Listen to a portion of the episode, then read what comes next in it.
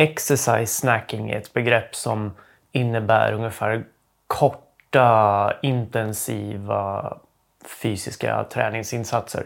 Jävla krånglig definition, men alltså träna riktigt hårt väldigt kort tid.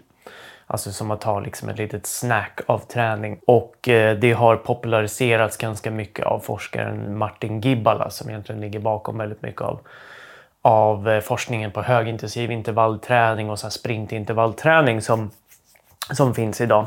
Jag och Jakob Gudiol har intervjuat eh, Mirko Mandic som är en svensk forskare i eh, Tyngre träningssnack ett par gånger där vi har pratat om hans forskning och hans avhandling som också handlar om, om sprintintervallträning och det liknar det här upplägget som Martin Gibbala och andra har använt i sina studier. Och det är då, om vi till att börja med så kan man skilja på högintensiv intervallträning eh, som är det här som de flesta har hört talas om är HIT eller HEAT eller något liknande. Men det innebär då träning som ligger över den andra tröskeln. Och där har vi exempel som till exempel klassiska 4 gånger 4 intervaller eller norska fyror eller sådär. Det, det är liksom högintensiv intervallträning. Så att det är liksom det som är över det man brukar kalla för slappt brukar kalla för tröskelträning kan man väl säga. Det är högintensiv intervallträning. Men över det så har man någonting som man kallar för sprintintervallträning och det är oftast träning eller insatser som man kör all out. Alltså att du struntar i intensiteten egentligen. Du försöker inte att bestämma intensiteten utan att du kör bara så hårt som du kan. Och då blir ju då in, tiden som du kör blir, blir ju väldigt kort eftersom intensiteten är så hög och då är det oftast då ja, men det längsta sprintintervallerna man brukar köra brukar ligga runt 30 sekunder men det kan vara så lite som 4 sekunder eller sådär. Ehm, det går att hitta andra typer av intervallträning. Man, man kan säga att tabata-träning är lite en annan typ av intervallträning där man kör ja, väldigt högintensivt upprepat men inte riktigt sprint för där, är liksom, där ska man ligga en bit över intensiteten som är motsvarar VO2 max om det är maximal aerobic power om det, vi pratar om cykling eller maximal aerobic speed om man pratar om löpning till exempel. Så ska intensiteten ligga över det men inte riktigt max. Så om du är på en cykel så tar du inte i så, så hårt du kan men, men nästan. Liksom. Eh, så det finns liksom lite däremellan. Men man kan säga att sprintintervallträning det är liksom den, den, högsta intensiteten oftast. Där, där man försöker köra så hårt man kan helt enkelt. Är man intresserad mer av liksom definitioner och, och historia och lite sådär så, så har jag som bekant skrivit en bok om det här. Eh, Träna mindre, den här finns att köpa på Tyngre.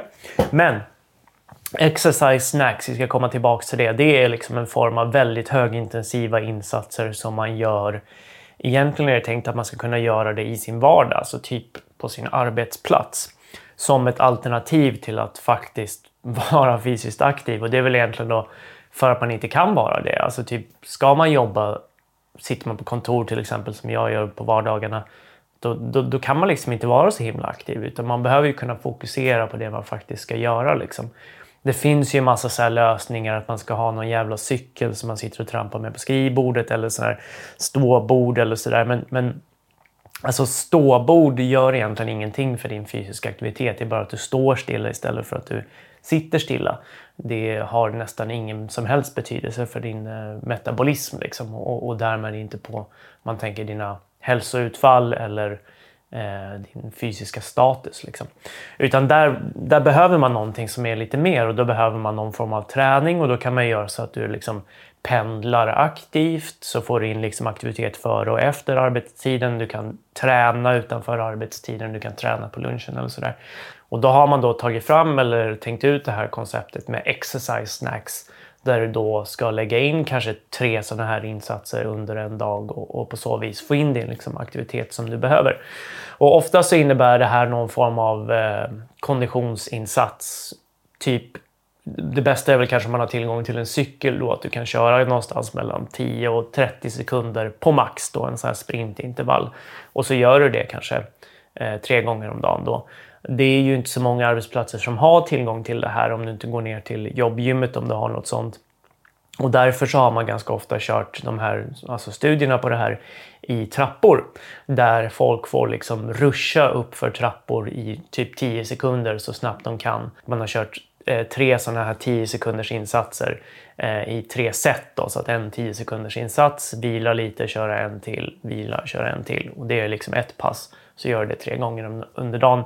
Du kan ju också bara göra att du börjar från bottenvåningen och så kör du till toppen och sen när du är färdig för liksom, det passet. Och så kan du köra två eller tre sådana per dag. Det har man liksom som sagt testat då i form av konditionsgrejer. Men en annan grej som jag funderar mycket på och som jag skriver om i Träna mindre, det är ju det här med, med styrketräningen. För det är ju någonting som jag tror ofta blir ganska glömt. Det som det kommer in på i kontorsmiljöer, det är ju ofta såna här gummiband eller såna här grejer som folk står och håller på med. Och det, Alltså det är inget fel på gummibandsträning. Det går att göra det effektivt, men om man förstår principerna bakom styrketräningen så behöver man antingen göra det väldigt tungt, vilket med gummiband kan bli ganska krångligt. Alltså det, det blir liksom, du måste antingen då sträcka ut gummibandet väldigt mycket och stå och jobba med det liksom i gummibandets ytterläge eller ha ett väldigt tungt gummiband. Och det kan bli ganska bökigt, det blir liksom lite svajigt och sådär när man har riktigt tunga belastningar på gummiband. Så det är det ena sättet. Det andra sättet är att köra med lite lättare gummiband men, men att då köra till fail. Och det är liksom inte så många som kommer göra det. Alltså så här, stå och verkligen köra någon form av, jag vet inte, vad gör man för något? Man, man kanske gör någon biceps curl eller någonting till fail. Liksom. Det, det är ganska tungt.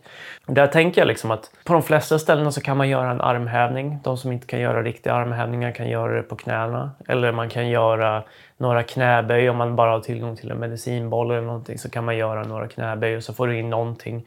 Du kan kasta den där jävla medicinbollen in i väggen så får du in liksom lite explosiv träning och sådär.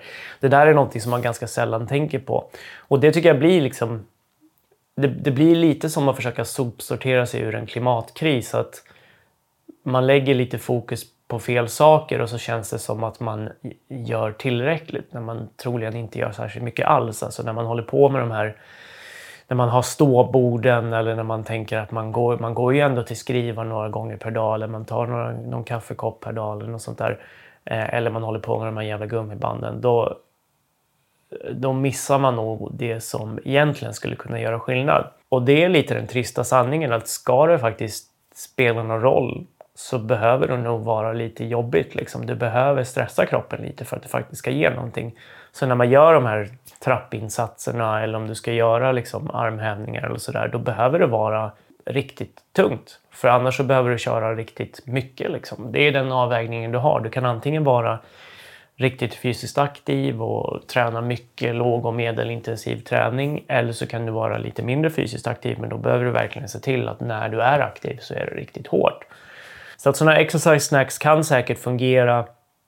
Jag tror att eh, för att det ska göra det så behöver man nog ha någon som hjälper en att förstå liksom, hur jävla hårt det faktiskt behöver vara. Och inte sån här gummibandsträning. Jag, jag, skulle, eh, jag har precis bytt jobb här nyligen så blev utsatt för en introduktion med sån här gummibandsträning. Och, och alltså jag, jag käkar hellre grus än att vara med på sådana där grejer. För jag, dels så känner jag att så här, det, det, här ger verkligen ingenting och sen så känner jag mig lite löjlig när jag står med några gummiband. Jag, jag vet inte riktigt vad jag håller på med. Liksom, så, så att ska det ge någonting så behöver det vara riktigt högintensivt. Då behöver man verkligen förstå hur det känns när man gör det. Och det det, det, tror jag blir rätt svårt för folk faktiskt. Så det är väl den tråkiga slutsatsen där. Även om det verkar som att det är ett ganska lovande fält så tror jag att det blir svårt för många att, eh, att implementera.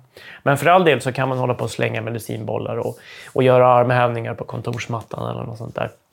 Det funkar säkert jättebra.